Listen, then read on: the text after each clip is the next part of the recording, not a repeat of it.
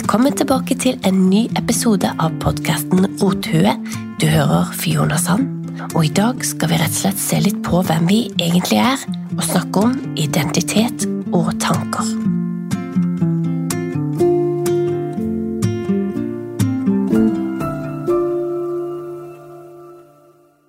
I dag skal vi snakke om hvordan tankene våre kan lyve til oss og påvirke oss i feil retning men også hvordan tankene kan oppmuntre oss og trekke oss i riktig retning.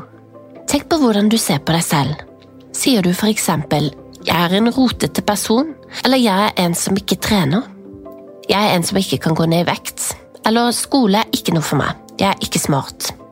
Eller sier du at du er flott og smart og du kan få til alt du vil?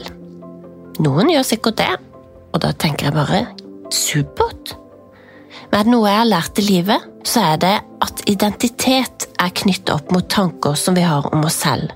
Og identitet er knyttet opp hva vi tenker at andre tenker om oss. Og jeg vet at tankene ofte lyver for oss, og i det minste holder oss for narr. Så la oss ta et enkelt eksempel. Jeg er ikke en som går tur. Det stemmer jo helt til du tar deg en tur, og da er du snudd på brøkdelen av et sekund. Eller at du tenker 'jeg er en som er lat og ikke trener'.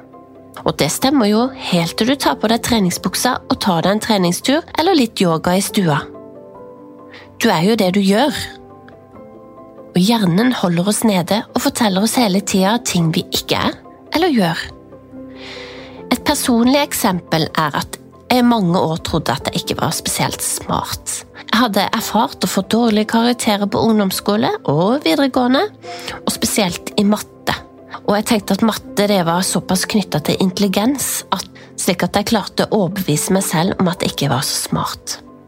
Jeg sa til meg selv jeg er street smart, og ikke book-smart. Jeg skjønte jo at jeg hadde litt oppi toppen, men jeg hadde ikke troa på at jeg kunne studere, eksempel. I 2009 så fikk jeg mitt første og eneste barn. Jeg jobba for tida som fotograf og i barnehage. Og jeg bestemte meg for å søke på universitetet, på sosionomstudiet, som førstevalg. Ja, for det var min mor. Og så var lærer på andre valg, for det var min far. Nå som jeg var blitt en enslig mor, så tenkte jeg at jeg må forsøke i fall, å studere og få meg en litt bedre jobb eh, enn det jeg har, med litt mer stabil inntekt. Jeg kom meg ikke inn på sosionomstudiet, men med mine 3,5 i snitt så klarte akkurat å krabbe meg inn på lærerstudiet, som hadde 3,5 som minstekrav. Jeg hadde total angst da matte var et av fagene vi måtte begynne med. Jeg grein faktisk i første timen ettersom jeg hadde opparbeidet meg en kraftig matteangst og sagt til meg sjøl at jeg sikkert hadde dyskalkuli. Vel, det som skjedde var at ja, jeg sugde, sugde på den første prøven, der de skulle liksom teste hvor mye vi huska å kunne. da. Men etter hvert så begynte jeg å forstå tall på en ny måte, og da sa det ding.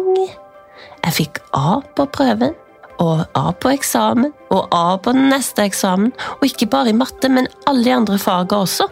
Og jeg endte opp med å ta fordypning i matematikk og skrev bacheloroppgave om matteangst. Jeg avslutta studiet med å ta to år på ett år, sånn at jeg fikk opprykk samme året som jeg utdanna meg som lærer. Gitt, og jeg er stolt av det. Og jeg som trodde at ikke jeg kunne gå på skole. Det var jo nesten bare flaks at jeg skjønte at jeg hadde lurt meg sjøl i alle år, og jeg var 32 da jeg begynte. Etterpå har jeg tatt bachelor i filosofi mens jeg har jobba, og også videreutdannet i engelsk. Jeg er nå en som er flink til å studere. Poenget med historien er at tankene våre forteller oss ofte ting som vi ikke kan gjøre, eller som vi ikke er. Jeg er rotete, og jeg kommer aldri til å ha det ryddig. Vel, du kan motbevise deg sjøl. Vi er mennesker i endring, og vi skal ikke stagnere og stå stille. Du fortjener å rydde opp i livet ditt for din egen mentale helse. Og det er forska på at rot fremkaller angst og gjør oss utilfreds og urolige.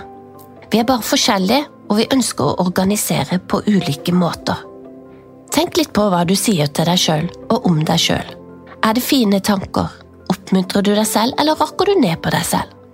Ta små steg og bestem deg for hva du vil være. Husk at en tur ut i treningsbuksa gjør deg til en som trener, eller en som går på tur.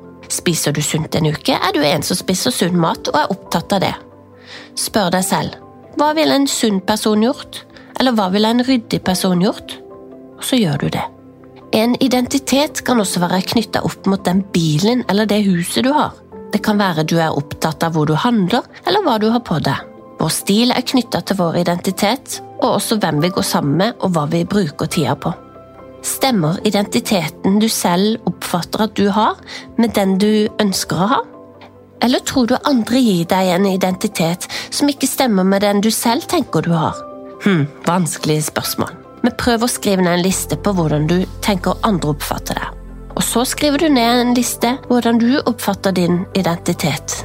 Til slutt så skriver du en liste om hva du ønsker din identitet skal være. For eksempel, jeg ønsker å være en ryddig person som har oversikt og overskudd til å trene. Så kan man tenke hva gjør jeg for å få en oversikt? Kanskje svaret er rydde, kanskje skrive lister, og kanskje ha en tydelig kalender man ser hver dag. Det er alltid rom for endring, og det er når man sier ting høyt til seg selv, hva man ønsker, ting begynner å bevege seg i den retningen man vil. Det var alt jeg hadde i denne episoden. Og husk at endring det er det motsatte av å stagnere. Vi høres i neste episode.